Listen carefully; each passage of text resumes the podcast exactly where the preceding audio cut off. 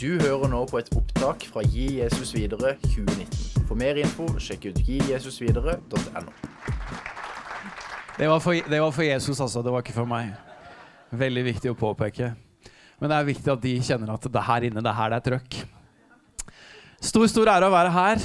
Eh, tusen takk for gode ord. Og den filmen du så på, på kino, den eh, spennende, spennende greia å være med på. Eh, vi kan snakke mer om det ved en senere anledning. Men eh, eh, stor stor ære å være her. Jeg var ikke med på den filmen. Altså. Det var bare noe som ligna litt på meg, som var med på en kinofilm. Så eh, ja, vi, nok om det. Eh, vi snakker mer om det ved en senere anledning. Men eh, stor ære å være her. En stor, stor glede. Og tusen takk til initiativtakere og de som legger til rette for denne konferansen og får muligheten til å komme og være her sammen med dere. Eh, stor, stor ære. Eh, og jeg tenker for en fantastisk konferanse. Eh, for et nydelig initiativ. Eh, og forhåpentligvis så reiser vi fra dette stedet ikke bare inspirerte, men vi reiser med noen verktøy med oss som gjør at vi kan bygge kirke enda bedre eh, der vi kommer fra. Eh, men tenk deg da at vi får lov til å være med på det Jesus gjør. når Jesus reiste fra kloden og til han kommer tilbake, så er det sånn at det er én ting egentlig han har sagt han skal gjøre. Han har sagt 'Jeg vil bygge min menighet'. har han sagt. Og dødsrikets porter skal ikke få makt over den. Så tenk deg Eh, veldig ofte så prøver vi i livet å få med Gud på det vi holder på med. Eh, mens hvilket privilegium det er at vi får lov til å være med på det han gjør. tenker jo Det er eh, det store clouet med livet, nemlig å koble seg på hvem han er og hans vilje for livene våre. Så, eh, så takknemlig for å være i et rom med så mange gode mennesker. Og eh, gleder meg til å være her også og lære. Eh, og tenker at det her er virkelig et sted hvor vi kan strekkes og utfordres og komme videre i det vi drømmer om, nemlig å bygge kirker der hvor flere og flere mennesker blir kjent med Jesus, men også blir disippelgjort og får eh, ikke bare kjenne Jesus gjennom en håndsopprekning eh, på en søndagsgudstjeneste, men at vi kan få lov til å se livslang etterfølgelse av Jesus. Det er det vi jobber for, er det ikke det? Fantastisk. Du, eh, jeg har fått en tittel, og da pleier jeg å være snill gutt og prøve å holde meg innenfor den tittelen. Og Den tittelen som jeg har fått for dette seminaret, og så får vi se hvor lenge jeg babler, og så får vi se om vi får tid til litt Q&A til slutt, eller eh, et eller annet sånt. Men eh, det er sånn at du har en ganske god pause etterpå, så at du skal få godt space til å leke, som det blir sagt så fint her. Så det kan godt hende at vi holder på en stund, men vi skal se også hvordan vi får tid til kanskje litt spørsmål og svar på slutten. Men eh, tittelen for det seminaret her, og tittelen for det jeg skal snakke om, det var å bygge en kultur der hvor vi lykkes i å ta vare på unge voksne. Eh, og eh, Derfor har jeg lyst til å bare starte med å snakke litt om kultur.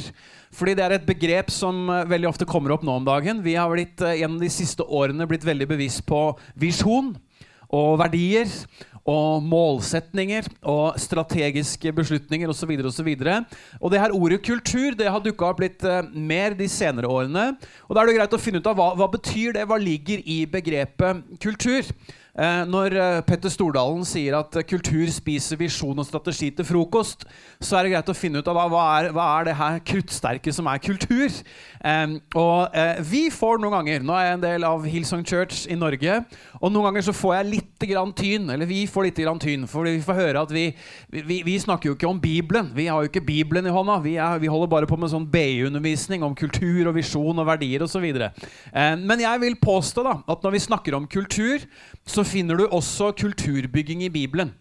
Og blant annet så finner du det veldig tydelig hos Paulus. hvis du leser Paulus sine brever. Kultur handler om hva som er normalt hos oss.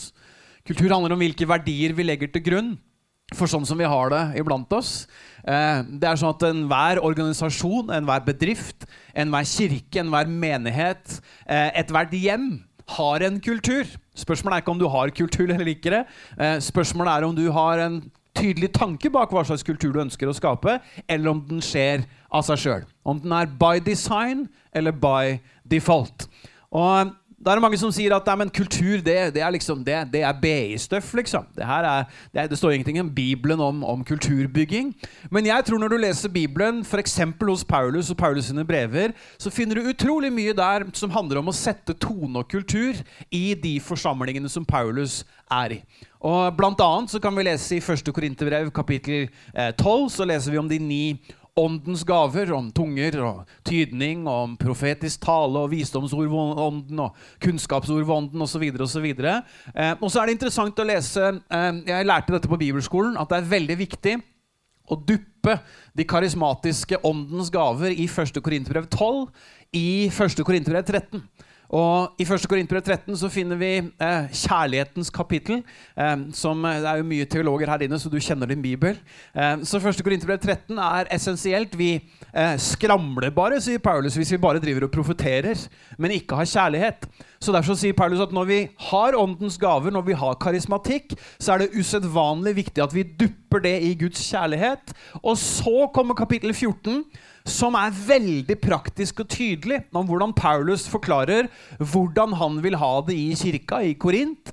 Når de skal profetere, når de kommer med kunnskapsord, når det er tunger og tydning osv. Og, så og, så og der er Paulus uhyre tydelig på jeg vil ha det sånn, men ikke sånn.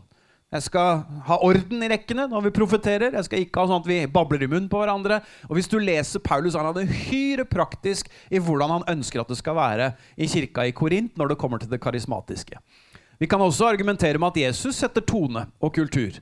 For når disiplene hans eh, begynner å krangle om hvem som er størst blant dem, og eh, når mora til eh, Jakob og Johannes begynner å dunke bort til sida på, på, Jesus og si at du, eh, når vi kommer hjem i himmelen, eh, kunne det vært en idé at eh, Jakob og Johannes, at mine gutter får lov til å sitte på hver side av deg, Jesus, når vi kommer hjem til himmelen. Altså, Mora mi har tro på meg, men så tro på meg har hun ikke. Det er, ganske, det, er ganske frimodig av mammaen til Jakob og Johannes å liksom si at Jesus det hadde vært koselig hvis, hvis, de kunne få sitte på hver sin side av deg. liksom. Jeg sier at Mutter'n har tro på meg, men det der er i overkant av å ha tro på barna sine. Eh, men det er ved den anledningen Jesus passer på Blant annet da, ved den anledningen og mange andre, hvor Jesus passer på er veldig tydelig om hvordan han vil ha det blant sine disipler. Han sier at i verden er det kanskje sånn at det er om å gjøre å bruke spisse albuer og komme seg fram og stikke seg fram. og, osv. videre. Mens hos oss, Jesus Nå er det litt fritt oversatt her ut fra bibelteksten, men du, du, henger med, gjør du ikke det? Eh, så er det sånn at Jesus sier at hos oss er det sånn at den som vil være stor blant dere, skal være de andres tjener. Og Hva er det Jesus gjør? Jo, han setter kultur. Han sier at i verden rundt oss, karer, så er det gjerne sånn at det er spisse albuer som funker for å komme seg opp og fram. Mens hos oss i Guds rike så har vi omvendt kultur. Der handler det om å bli stor på en helt annen måte. Måten å bli stor på i Guds rike. Legg merke til, bare by the way, at Jesus sier ikke at det er gærent å bli stor. Han sier bare at det finnes en helt annen måte å bli stor på i Guds rike. Og det er ved å tjene hverandre.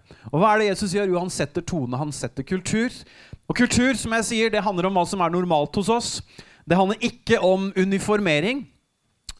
Hør godt etter når jeg sier det. La meg sette tre streker under, for mange tenker ja, når vi skal tegne et tydelig bilde, ha en tydelig kultur, så må vi liksom Da må vi indoktrinere. Da må alle ha like T-skjorter og Converse-sko. liksom. Alle må snakke likt, alle må være på samme måte, alle må ha samme type atferd. Jeg tror på det motsatte. Jeg tror på at når du setter en tydelig tone og kultur, setter noen tydelige verdier, for sånn ønsker vi å ha det, så kan du frigjøre alle slags personligheter og la folk få lov til å være nettopp de de er. Men vi trenger, når vi er i et fellesskap, å enes om noen ting. Sånn ønsker vi å ha det hos oss. Sånn ønsker vi eh, at det skal være her, og dette er normalt hos oss. Disse verdiene ønsker vi skal prege. Så når vi snakker om å sette kultur og tone, så handler det ikke om uniformering. Kan jeg si det en gang til? Ikke uniformering. Ikke alle ser ut like, snakker likt, alle må være på samme måte. Men at vi enes om noen sunne, gode verdier som vi ønsker skal prege det miljøet som vi skaper i sammen. Og som jeg var inne på i stad, så er det sånn at alle sammenhenger har en kultur. Det er sånn at Ethvert klasserom har en kultur. Enhver guttegarderobe har en kultur. Du trenger ikke være lenge i en guttegarderobe før du begynner å forstå hva som er, hva som er tonen her. Eh, hva som er kulturen i denne garderoben? Eh, det er ikke lenge du trenger å være i et klasserom før du begynner å catche hva er kulturen i dette klasserommet. Eh, det er ikke lenge du trenger å være i et hjem i en familie før du begynner å fange hva som er kulturen her. La meg bare oppmuntre deg og si også at du personlig har en kultur i ditt liv. Og Spørsmålet er om den kulturen skjer by design eller by default. Du er den som preker mest til deg i løpet av en dag. Jeg står her og gjør så godt jeg kan i de neste 40 minuttene, men det er du som preker mest til deg i løpet av en dag. Og Spørsmålet er hva slags ord er det du snakker til deg sjøl? Vi er veldig opptatt av miljøvern om dagen, og det er vel og bra. Eh, men er du opptatt av ditt personlige miljøvern? Hvordan er kulturen og miljøet i ditt liv? Hva slags ord snakker du til deg selv? Det er veldig lett at det er ord som snakker oss ned, som preger våre tanker. Hvis jeg er litt ærlig, så er jeg, litt sånn, jeg er automatisk litt negativt innstilt. Så jeg, hvis ikke jeg passer på, så en, kan det fort bli en litt destruktiv kultur på innsiden av unge, lovende, fremadstormende Hasløy. Som ikke er like ung og lovende lenger, men fremadstormende, det er jeg fortsatt. Men, men hvis jeg ikke passer på kulturen hos meg, så, så, er det veldig fort at det blir eh, ikke det klimaet som jeg skulle ønske meg i mitt personlige liv, i mitt tankeliv, i hjertet mitt osv. Så, og så, videre. så jeg sier alle sammenhenger har en kultur. Du har en kultur. Bedriften du er en del av, har en kultur. Kirka du er en del av, har en kultur. Jeg møter noen ganger pastorer som sier nei, vi er ikke så opptatt av det som har med kultur og sånn å gjøre. Det, det er sånn som dere holder på med i Hillsong Church. Vi, vi har ikke kultur og sånn hos oss, vel? Da pleier jeg å si at kultur har man alle steder. Spørsmålet er bare om den er definert eller tilfeldig. Hvis du vil gro roser i blomsterbedet utenfor huset ditt, så er du helt nødt til å være hands on med hva som rører seg i det bedet. Det her, nå er jeg på tynn is, altså, for det her har jeg ikke veldig mye peiling på. Men jeg har i hvert fall hørt om at det er sånn det funker. At du er nødt til å være hands on med det, for ellers så kommer det til å gro så mye rart i det blomsterbedet. Og du må passe på at det du ønsker at skal gro, får gro og at det du ikke ønsker at skal gro, blir luka bort.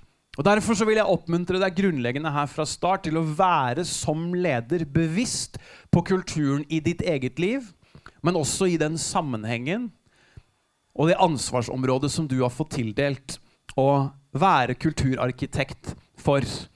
Så spørsmålet er altså ikke om vi har kultur eller ikke. Spørsmålet er om den er definert eller tilfeldig. Om den er by design eller by default. Kan jeg, kan jeg herje litt med det her på en, på en, fredag formiddag? Går det greit, det? Men jeg vil jo påstå det at eh, eh tradisjon Jeg tipper det er veldig få eh, Nå fins det positive tradisjoner, og så fins det tradisjoner som holder oss tilbake. Eh, men jeg tror det er veldig få lederteam i norske kirker og menigheter som setter seg ned og som sier at eh, tradisjon skal være en verdi for oss. Og Et av de viktigste spørsmålene vi skal stille oss når det kommer nye initiativer, det er har dette blitt gjort før. Og hvis det ikke har blitt gjort før, da setter vi en strek over det. Er du enig? Det er veldig få som setter seg ned og skriver det. liksom. Vi skal lage et visjonsdokument her nå. Vi skal skrive visjon, verdier og mission statement og, og, kultur. Og derfor så skriver vi ned tradisjon. Det er viktig for oss. Ting skal være som det alltid har vært. liksom. Det er jo ingen som gjør det. Men jeg tør påstå da, at i veldig mange forsamlinger, og vi er inkludert jeg mener, Selv om vi er en forholdsvis ung forsamling, så står vi i samme fare som alle andre forsamlinger. At, at det som har begynt å bli liksom hjulspor for oss, at det er ting vi lett setter oss fast i. Så, så greia, Det er veldig få som har nedskrevet tradisjon som en av sine verdier. Selv om det på et vis kanskje kunne blitt gjort noen ganger. for Det finnes veldig mange gode tradisjoner også. Men si tradisjon veldig ofte holder oss tilbake. Det er veldig få tror jeg, som har nedskrevet det i sitt visjonsdokument. Men jeg tror tradisjon preger ganske stor del av norsk kirkeliv allikevel. Og veldig mange av våre kirker og menigheter. Er vi enige om det, eller? Og det er jo greia at, at det, Da er det sånn at kulturen den har jo blitt litt til av seg sjøl. Det fins jo drøssevis av pastorer og ledere som har skrevet flotte visjonsdokumenter og, og, skrevet formuleringer som er fantastiske, og til og med kanskje hengt det på veggen, men da er det store spørsmålet Is what's written on the wall happening down the hall? Det var skarpt sant. Det er twitterverdig, det kan du notere. Men, men, det er jo det store spørsmålet, for det er jo mange en pastor som har erfart at selv om vi har et flott visjonsdokument nå i skuffen på kontoret, eller eventuelt på veggen, så har det jo kanskje vært sånn at det har blitt satt en kultur, det har blitt verdier som er gjeldende i et menighetsmiljø over så lang tid at når du begynner å komme i kontakt med den kulturen som nesten sitter sitter i treverket i bygningen, liksom. Henger du med meg? Så kjenner du at ok, ja, men det dokumentet vårt det er fint, men vi har litt å bryne oss på her for å sørge for at kulturen er in line med det vi ønsker oss for framtida. Kan jeg få gi deg noen praktiske punkter om hvordan vi som ledere kan være hands on med kulturen? For det er jo det vi ønsker oss her, og ikke bare høre inspirerende fine ord og, og quotes på engelsk og sånne ting, som jeg sier er twitterverdig. Men det store spørsmålet her er om vi kan få noen verktøy som kan hjelpe oss til å være hands on med kulturen. Og jeg, Når jeg underviser, når jeg er predikant, så er det sånn at I'm stating the obvious veldig ofte. Så mer enn at jeg liksom gir noe revolusjonerende her, så er det vel mer det at vi sammen minner oss om noen ting som vi tenker ah ja, stemmer det. Vi minner oss om noe som vi kjenner ah, det her, det her sanksjonerer med noe som sitter i ryggmargen på meg. Men forhåpentligvis så utfordres vi litt også. Men kan jeg gi deg noen praktiske punkter her om hvordan kan du få det blomsterbedet som du har tilsyn med, til å sørge for at det er de rette tingene som vokser? Så for det første så vil jeg foreslå at hvis du vil sette en positiv kultur, så handler det om å lede ved å være et eksempel. Å lede ved å være et eksempel. Vår eh, globale hovedpastor Du vet at eh, det er svære titler. Men eh, jeg er en del av en sammenheng der vi bygger kirke lokalt. Og så bygger vi kirke nasjonalt med Hillsong i Norge. Og så er vi en del av en global kirke nå etter hvert. Så jeg blir jo nesten litt sånn svimmel av det.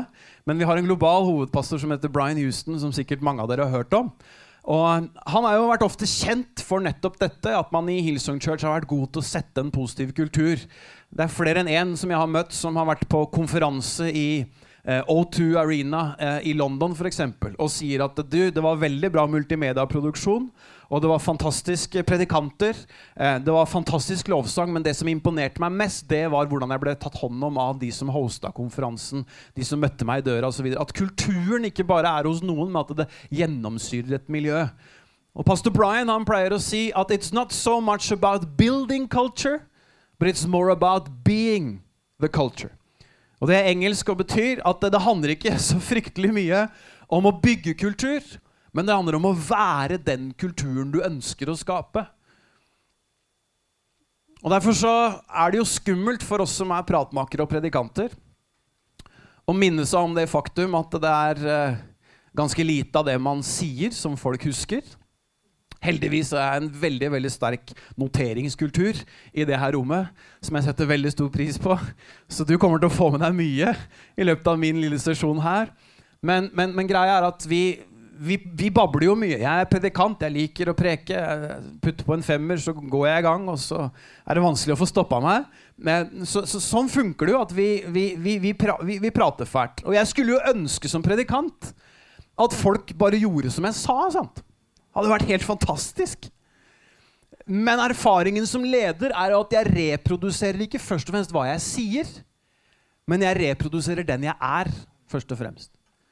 Og Sånn funker det jo i familien òg. At, som jeg sier, Alle sammenhenger har en kultur. Du trenger ikke være lenge i Hasløyhjemmet i Sigurds gate 9 i Drammen før du begynner å catche hva slags kultur det er hos oss.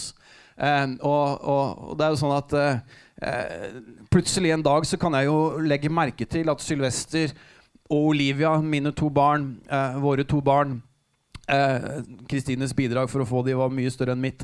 Eh, Takk for at du forstår vitsene mine i dag. Eh, så er det sånn at, vi, at Olivia på 11 og Sylvester på 9 begynner å krangle, liksom. Og det blir høylytt, og det blir liksom Og jeg, jeg, tenker, hva skjer nå? De skriker til hverandre, liksom. De roper til hverandre. Det er høyt nivå på stemmen. Og jeg tenker, kjære tide, liksom. Dere er jo pastorbarn, liksom. Dere skal jo profetere over hverandre. Og Hilse hverandre med åndelige viser. Det er det dere skal. Og her krangler dere, liksom. Hva skjer? Og så begynner jeg å tenke at det kan jo hende Det kan jo hende, ja. At de har sett det der et annet sted. Hos mora si. Sant? At de har hørt litt sånn høyt toneleie fra noen andre. Fordi det er det er jo sånn at Jeg egentlig er veldig stillferdig og konfliktsky, men Kristine har lært meg å være litt feisty. Så hun har lært meg litt å krangle. Og det er veldig bra, egentlig, for da får vi liksom litt ut av det her. Eh, vi, vi, når det er mye grom, så er det greit å få det av gårde, liksom. Så, så, det kan jo hende at Sylvester og Olivia også har hørt et annet sted. Nå fins det positive eksempler fra familien Hasløy, og jeg ser at du ser litt bekymra ut der du sitter. Eh, det fins eksempler på at når vi får folk på besøk, så er, så er, er, er både Olivia og Sylvester veldig rause med oppmuntrende ord. De er sånn at uh, Når Nathaniel, min kompis, kommer på besøk, så er så kul du er i dag. Så fine sko og så tøff jakke. Og Olivia er full av gode ord og kjærlighet over alle hun møter. Alle kvinner som kommer inn i vårt, vårt hus, de får høre du er mye penere uten sminke. Du trenger ikke sminke deg. Du er så naturlig vakker, sier Olivia. Så hun er raus med oppmuntrende ord. Sylvester også er raus med oppmuntrende ord. Det er også fordi de har sett det et sted. Det er fra meg, da. I all ydmykhet. Takk for at du forstår vitsene mine fortsatt. Sannheten er at det er Kristine som er den som er flinkest til å oppmuntre i vårt hjem. Og det er noe av kulturen hjemme hos oss. Og det finnes negative sider ved vår kultur, og så finnes det noen positive sider. Greia er at vi reproduserer hvem vi er, framfor hva vi gjør.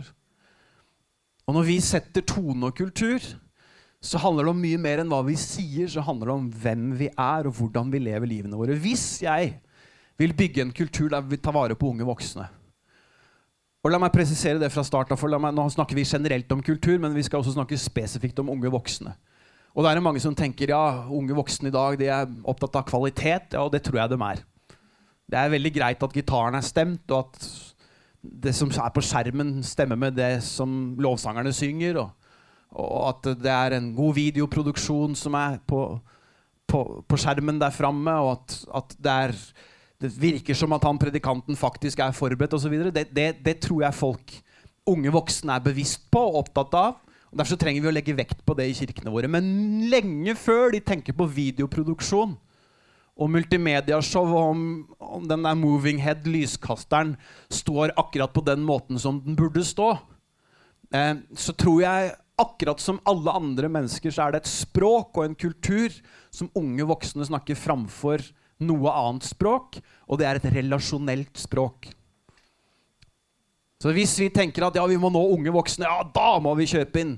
Bytte ut flygelet med elpiano, liksom. Eller kanskje til og med gønne på med en synt. Eh, få oss en sånn hva heter den, Norstage eller noe sånt. Og da, da har vi liksom, Hvis vi bytter ut evangelietoner eller Sildirein med, med Hillsong eller med et eller annet annet, eller med Salt Bergen sine nydelige lovsanger, eller, eller, eller David André Østby sine vakre toner fra Philadelphia kirke Da liksom, da når vi de unge voksne. Ja, jeg tror at de tingene spiller inn til en viss grad, mens vår erfaring er at folk kommer jo ikke tilbake til våre lokasjoner og campuser fordi at de syns predikanten var verdens beste, først og fremst. Det er veldig bra at vi har gode predikanter, det er veldig bra at lovsangen henger sammen. Det er bra å være bevisst på hvilke fire låter har vi tenkt å gå gjennom, og kanskje at det kan være en rød tråd der. At vi tenker ikke bare på å spille gjennom fire låter, men faktisk også finne noen gode overganger mellom de fire låtene. Jeg sier Alle disse tingene spiller inn. Absolutt. Det er en kvalitetsbevisst generasjon vi har med å gjøre. Men det språket man snakker, og grunnen til at folk kommer tilbake, det er at man ble sett. Man ble inkludert. Man fikk noen gode venner. Folk var genuint interessert i mitt liv. Vi pleier å si 'velkommen hjem' over dørene på våre lokasjoner. Jeg har lagt merke til at det er flere enn oss nå som gjør nettopp det. Jeg tror det var Bobby Houston eh, som i sin tid bestemte at hjemme i Hillsong Church i Sydney så skulle det stå Det første folk skulle møte, var 'Welcome Home'. Og Jeg syns det er en vakker hilsen, ikke bare til troende mennesker, men til absolutt hele menneskeheten om at vi ønsker alle mennesker velkommen hjem. Og hvis vi vil bygge en velkommen hjem-kultur, at det skal være mer enn bare noe som står på en skjerm, eller på en flyer, eller på en trykksak, eller på en roll-up, så trenger vi å skape en kultur der hvor vi bryr oss om hverandre.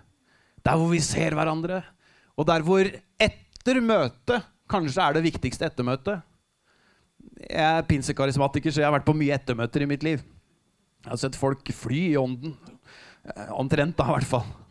Bare for å gjøre dere litt interessert her. Dere som kanskje ikke er så vant med det. Det er spennende i pinsebevegelsen. Altså, det kan jeg love dere. Det er bare suser vi Nei da. Eh, men, men, jeg sier, det, det, har vært mye bra ettermøter, og de er jeg utrolig takknemlig for.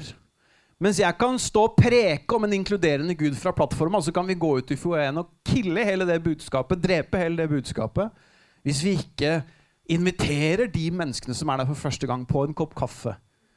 Du, vi fire skal på kino på onsdag. Har du lyst til å bli med?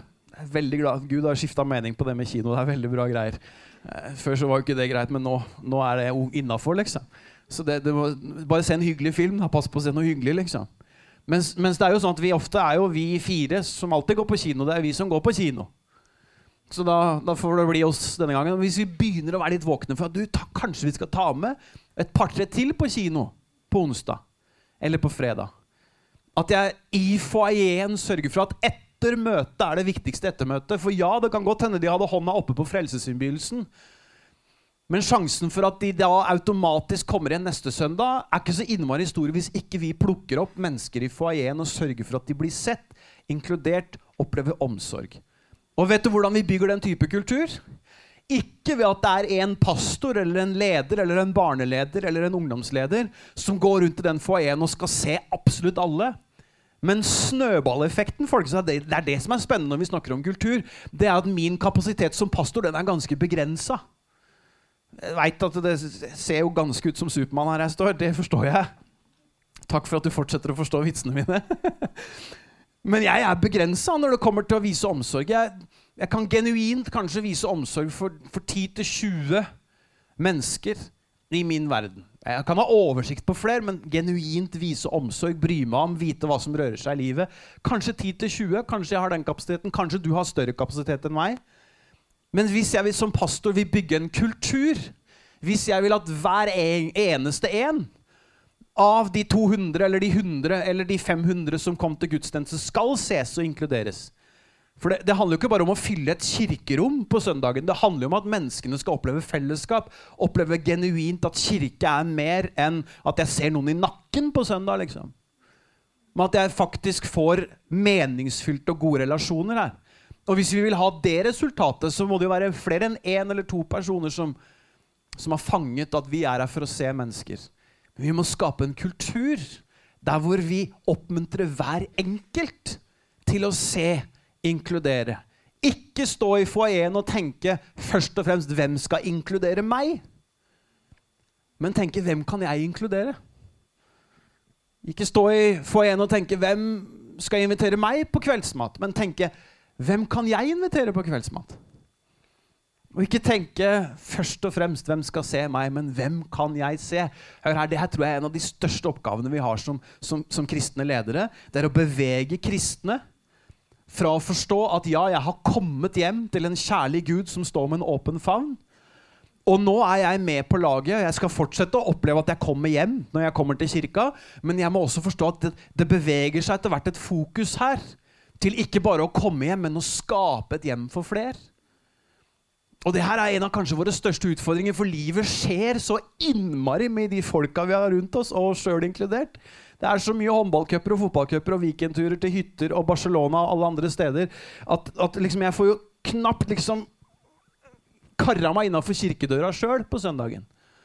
Mens vi må prøve å hjelpe folka våre til å løfte blikket og forklare at du, vi er her ikke bare for at jeg skal oppleve en god preken. Jeg skal oppleve at lovsangen gir meg eh, shivers on the back, liksom.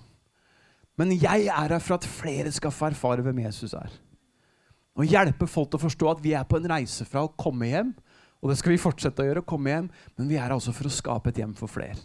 Og hvis vi vil se alle, så trenger vi alle. Og Efeserbrevet 4, vers 11 og 12 er blant mine favorittvers i Bibelen når vi snakker om lederskap. Jeg veit at vi holder på under, under, under punktet eh, å være et godt eksempel, så vi kommer til å komme tilbake der. Jeg vil bare ta en god sving med det. Men Efesbrevet 4, vers 11 og 12 sier at han var det som satte noen i menigheten til apostler, profeter, hyrder, lærere og evangelister. Det er de femfoldige tjenestegavene som Bibelen beskriver. Ledergaver, forkynnerembeter satt i menigheten. Og hvor ofte blir ikke vi ekstremt opptatt av de der?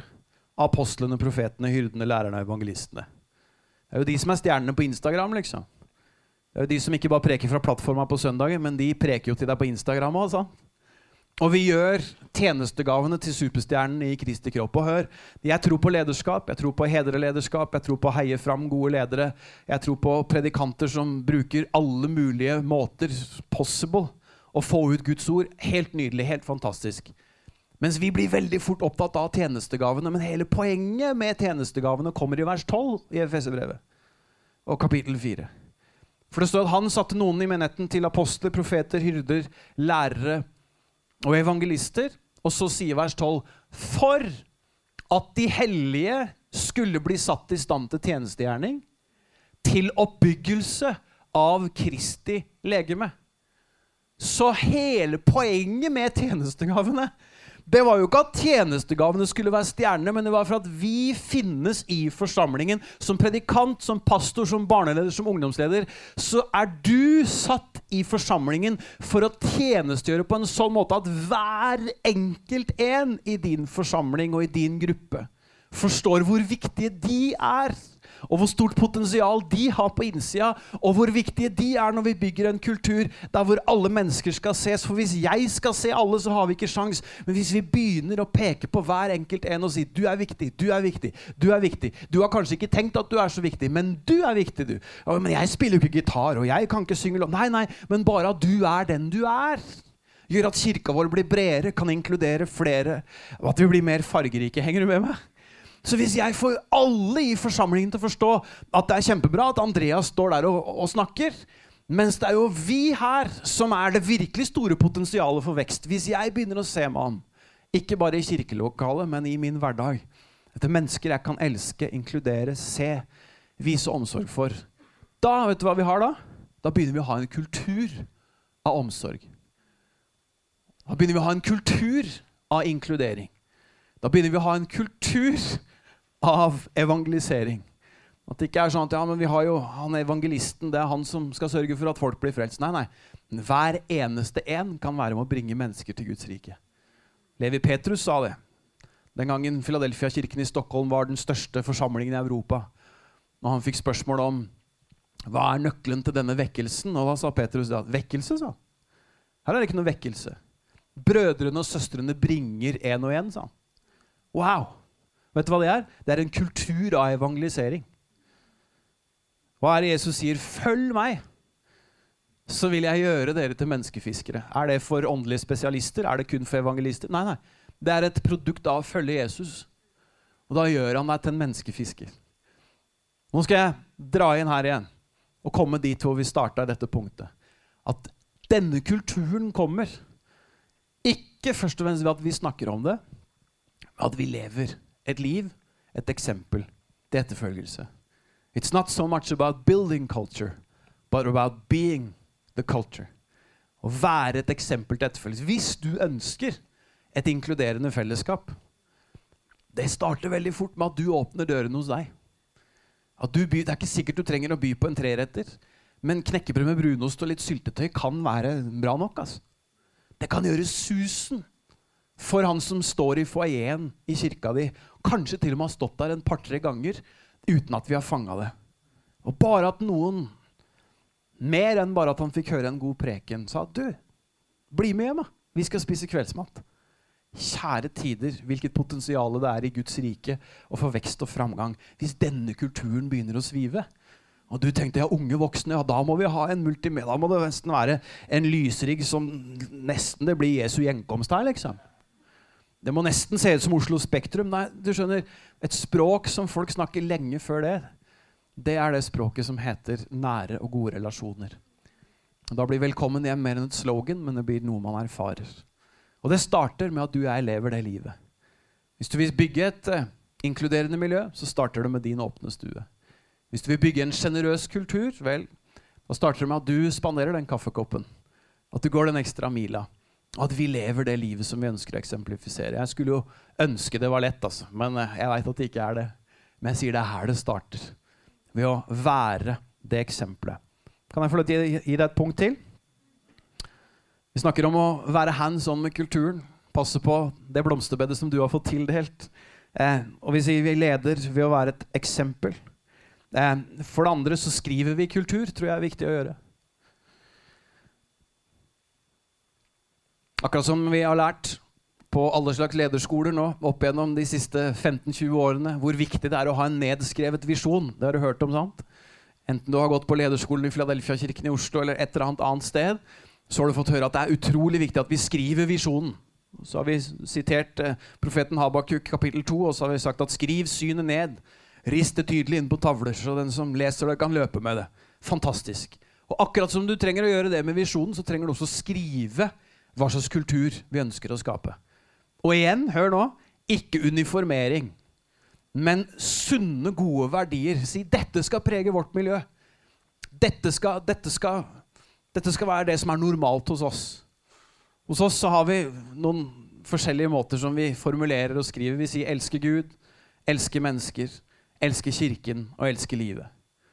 Det er én måte å formulere hva vi ønsker skal prege vårt miljø. Vi ønsker å elske Gud fordi han har elska oss først. Ha en lidenskapelig kultur. Ikke som en sånn krampetrekning 'Å, vi er så lidenskapelige', men fordi vi har forstått hvor høyt Gud har elska oss først. Og så ønsker vi å elske mennesker. Det er en naturlig konsekvens av at vi har erfart Guds kjærlighet. Da begynner vi å elske mennesker rundt oss. Det betyr at vi inkluderer, vi ser, vi viser omsorg. Én viser ikke omsorg for alle, men alle kan vise omsorg for noen. Og da begynner kulturen å spre seg. Vi sier alle bryr seg, alle bidrar, alle bringer. Vi sier invitere, inkludere, involvere, investere. For Vi prøver å finne noen måter der hvor formuleringene kan sette seg litt. Og jeg tror, da, hvis vi vil være hands on med kulturen, hvis vi vil være seriøse med at det ikke bare skjer av seg sjøl, men at vi vil, denne kulturen ønsker vi å skape, så er det bra å formulere det. Om du kaller det verdier, eller om du kaller det en kulturstatement, eller hva du kaller det, det er egentlig et fett bare at man er bevisst. Dette er det vi ønsker å skape. Denne kulturen ønsker vi at skal prege hos oss. Henger du med meg? Så skriv det. Gjør det tydelig hvor vi ønsker, også med kulturen vi har. Vi snakker kultur. Så vi leder for å være et eksempel, for det første. Vi, vi skriver kultur, for det andre. Og for det tredje så snakker vi kultur. Og det handler om at vi snakker overordna verdier, sånn som jeg gjorde litt for deg nå. Og sa elske Gud, elske mennesker, elske kirken og elske livet. Og nå nevnte jeg 'elske Gud og elske mennesker', hva vi legger litt i det. Men 'elske Kirken' handler jo om at det ikke bare er en pastor som eier drømmen om kirka, men at vi har eierskap, hver enkelt en av oss. At vi forstår kraften å leve for noe som er større enn oss sjøl. At vi forstår at Jesus bygger sin kirke på kloden. At vi får lov til å være med på det, er fantastisk. Hashtag 'I love my church', osv. osv. Å elske livet handler om at vi som kjenner Han som har skapt livet, vi burde jo være de beste på å nyte det. Jeg tenker Vi skal leve målretta, men vi skal nyte reisen. Vi skal kose oss langs veien. Det her er noen av de overordna eh, kultur- og verdistatementene som vi snakker om. Det, det, er litt svevende greier. Nå er kultur mye mer altomfattende enn hva vi skriver. Det handler om så mye mer. Men allikevel, jeg tror det handler om å skrive det og snakke det. Men for oss, da Det er mulig det er litt uvant for deg, men hos oss så prøver vi også noen ganger å være så praktiske med å sette kultur. At vi, at vi, snakker det helt ned på, liksom, på et nivå av hvordan ønsker vi å ha det i gudstjenestene våre. For, for, hvis du ønsker å ha en type kultur i gudstjenesten eller i samlinga eller i ungdomsgruppa eller eh, i barne, barnekirken eller hvor det måtte være, så tror jeg du er nødt til å snakke om det for at du skal kunne få det du forventer. Er du enig? Jeg mener, Hvis jeg aldri sier noe om hvordan vi ønsker å ha det, så kan jeg heller ikke forvente at det blir sånn. Så jeg mener, Hos oss så har jeg stått på til og med en søndagsgudstjeneste og snakket om ti punkter til hvordan du som sitter i salen, kan være med å skape verdens beste gudstjeneste. Ti praktiske punkter. Og så har mange sagt verdens beste gudstjeneste. Er ikke det litt breialt? Å stå i, i, Drammen eller Oslo og snakke om at vi har verdens beste gudstjeneste? Vel, la meg forklare det på følgende vis. At Hvis du spør meg hvem som er verdens beste unger, så fins det et veldig enkelt svar på det. Eh, og det, Du kan komme drassende med et mattegeni av en toåring. Altså. Det, det, er helt, det, det, bryr jeg meg ingenting om, for de beste ungene det er Sylvester og Olivia. Det er uten tvil. Og hvorfor er det sånn? Jo, det er fordi det er mine unger. Og Derfor så går det an å snakke om dem som verdens beste unger for meg.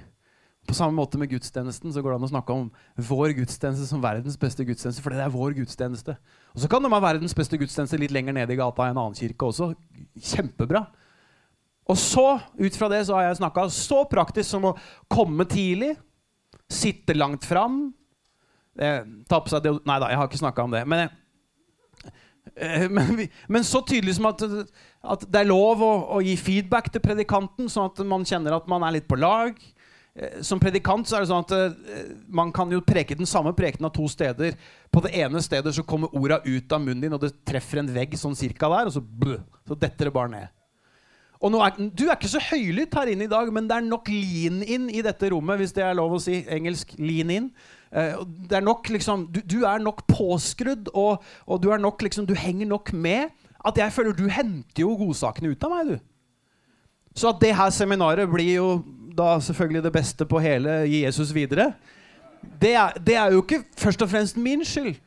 Jeg har forberedt meg og gjort dette klart, men, men det at du er her og er framoverlent, noterer Til og med har du ledd litt av de vitsene som ikke har sittet helt, liksom. Og det gjør at vi har skapt et klima i det her rommet for god læring. Og jeg sier at Som predikant så kan du oppleve noen steder at orda detter ut av munnen din, og det treffer en vegg der, mens andre steder så kan du, du kan preke noen ganger ting du ikke visste du hadde på hjertet engang. Fordi forsamlingen er så sulten. Og hvis du vil ha den kulturen i din forsamling, så vel, da må du snakke om det. Det betyr ikke at alle må sitte og rope halleluja og amen i et banka kjør mens du preker. Men det, det, er lov å lene seg litt framover, det er lov å le litt. Det er lov å, det er lov å til og med når predikanten plumpa uti med en vits som ikke satt så innmari så, ah, Vi hjelper litt, liksom. Så at det her seminaret er bra, er først og fremst pga. deg. Litt meg, da. Men henger du med meg?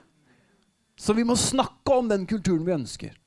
Hvis du vil ha en kultur rundt middagsbordet, så må du si hvordan du vil ha det rundt middagsbordet. Hvis du aldri sier noe, vel, da sitter vi og spiser middag ved TV-en, da. Men hvis du artikulerer og snakker om det, så begynner vi å nærme oss at det blir spennende. Jeg skal være superrask med de siste punktene her, for jeg tror du begynner å fange hvor jeg vil hen. Så la meg si at jeg eh, leder ved å være et eksempel. eller vi leder ved å være et eksempel For det første. For det andre så skriver vi kultur. For det andre så snakker vi kultur. For det fjerde så repeterer vi kultur. For kultur, det lekker. Akkurat som visjon lekker, og alle andre ting lekker, så lekker det på kultur også. Så hvis vi holder kulturen sharp, skarp heter det på norsk, så, så, trenger vi å repetere kontinuerlig. Finne nye måter å snakke om de samme verdiene. Henger du med meg? Det er sånn vi sørger for at kulturen hele tiden er skarp. Og det er en av de store kunstene som, som pastor når man har vært pastor i mange år. Liksom. Så, så, så, har jo folk hørt deg snakke om dette noen ganger. Så da må du finne nye måter å si de samme tingene. Og det som også er veldig veldig fresh, det er å få inn noen andre som du vet kommer til å si det samme, men på en litt annen måte enn det du sier. Du og du, så refreshing. Og da er det jo spennende å være pastor, da, og liksom det kommer en fra sidelinja inn og preker egentlig det samme som du alltid preker, bare på en ny måte. Og da sitter forsamlingen og Oi! Dette var fantastisk! Og du sitter der som pastor og tenker ja, men kjære tid, det er ikke dette jeg har prekt i ti år, liksom. Men du trenger det en gang iblant. Du trenger folk som kommer utenfra, som refresher den kulturen som du ønsker å skape. Så repeter kultur. Og for det femte så korrigerer jeg den kulturen jeg vil ha. Nei, jeg ikke vil ha. Det kommer et punkt under at jeg oppmuntrer den kulturen jeg vil ha. Det er det siste. Og jeg tror det er uhyre mer viktig enn å korrigere den kulturen du ikke vil ha. Men hvis du vil ha en sunn kultur, hvis du vil ha et bra blomsterbed der hvor de rette tingene vokser, så er du nødt til å luke ugress en gang iblant. Det betyr ikke at du luker folk, men det betyr at du snakker og korrigerer den kulturen du ikke vil ha. Og Det er vi nødt til å gjøre som ledere. folkens. Jeg vet at det er en del av jobben som Personlig jeg setter ikke så veldig stor pris på det, fordi jeg er litt konfliktsky. Jeg liker at det skal være happy og clappy og greit og fint og ordentlig. Så de der, de der korrigeringene de er jeg ikke så innmari glad i. Men jeg har funnet ut at hvis jeg vil lede, så er jeg nødt til å ta det også. Og da fins det veldig mange måter å korrigere på som er fryktelig dårlig. Kjefting funker aldri. Dårlig feeling for deg. Dårlig feeling for den som sitter i andre enden. Tap, tap på alle fronter, liksom. Så, så du, du, kommer ikke til å vinne med å løfte stemmen og være breial, liksom. Det not gonna happen. Det er en dårlig måte å korrigere på. Men en måte som er smart, har jeg funnet ut gjennom årenes løp. Det er å stille noen gode spørsmål. Så når folk f.eks. har tatt valg som ikke akkurat er midt i prikk av det vi ønsker oss som kirke eller som barnegruppe eller, eller ungdomsmiljø, så er det en veldig fin måte å la de få lov til å reflektere selv over det valget de har tatt. Og ikke minst over at det valget ikke bare handler om dem, men at det handler om hvilke eksempel man setter. Det forekommer jo det sant, hvis man er ungdomsleder. Jeg har vært det, jeg òg. Og husker jo når det begynte å være en god gjeng liksom, i, i ungdomsmiljøet som, som, hadde vært litt utpå. Så, så er det spørsmålet hvordan håndterer vi det, liksom? Kall dem inn på teppet, kjeft dem huden. Det funker jo ikke. Men så stille noen gode spørsmål, få dem selv til å reflektere over valgene de har tatt, er som regel en veldig mye bedre måte å sette en bedre kultur på. Er du enig? Og til slutt Nå har du vært flink til å høre. Altså. Jeg sa det til deg. Når du putter en femmer på, så bare går vi i gang. Men eh, Til slutt så oppmuntrer jeg den kulturen jeg vil ha. Det her er ikke nødvendigvis i liksom prioritert rekkefølge. Men jeg tror mye mye kraftigere enn å korrigere den kulturen du ikke vil ha, så er det å oppmuntre den kulturen du vil ha. Du trenger i så stor grad å gjøre dette så mange ganger eh, for å bygge opp den tanken av oppmuntring før du skal begynne å korrigere. Så eh, oppmuntre den kulturen du vil ha, det kan du gjøre på så mange måter. Men jeg vil anbefale deg å dra fram de gode eksemplene. Sett på scenen de frivillige medarbeiderne som har serva nå gjennom den ene fantastiske sesongen, men også den litt tøffere sesongen. Ta og Gjør så mange gode eksempler som overhodet mulig. Pek på de, ikke bare på deg sjøl, men pek på de menneskene i forsamlingen og i barnegruppa og i ungdomsmiljøet som, som virkelig eksemplifiserer den kulturen du ønsker å skape. Der har du en win. For da er det ikke bare du som leder som står og prakker på kultur, men da peker du på folk i rommet som sier det der er det vi vil ha. Det der er bra. Å, så bra du bygger kirke når du åpner opp stua di. Ikke bare for de der som vanligvis sitter der, men du åpner opp for flere. Wow, så bra det er når du en vanlig fredag kveld eh, inviterer med noen gode venner fra kirka hjem for å spise et godt måltid mat, men at du samtidig tar med de fra barnehagen, foreldrene til de i barnehagen, og setter de rundt samme bordet.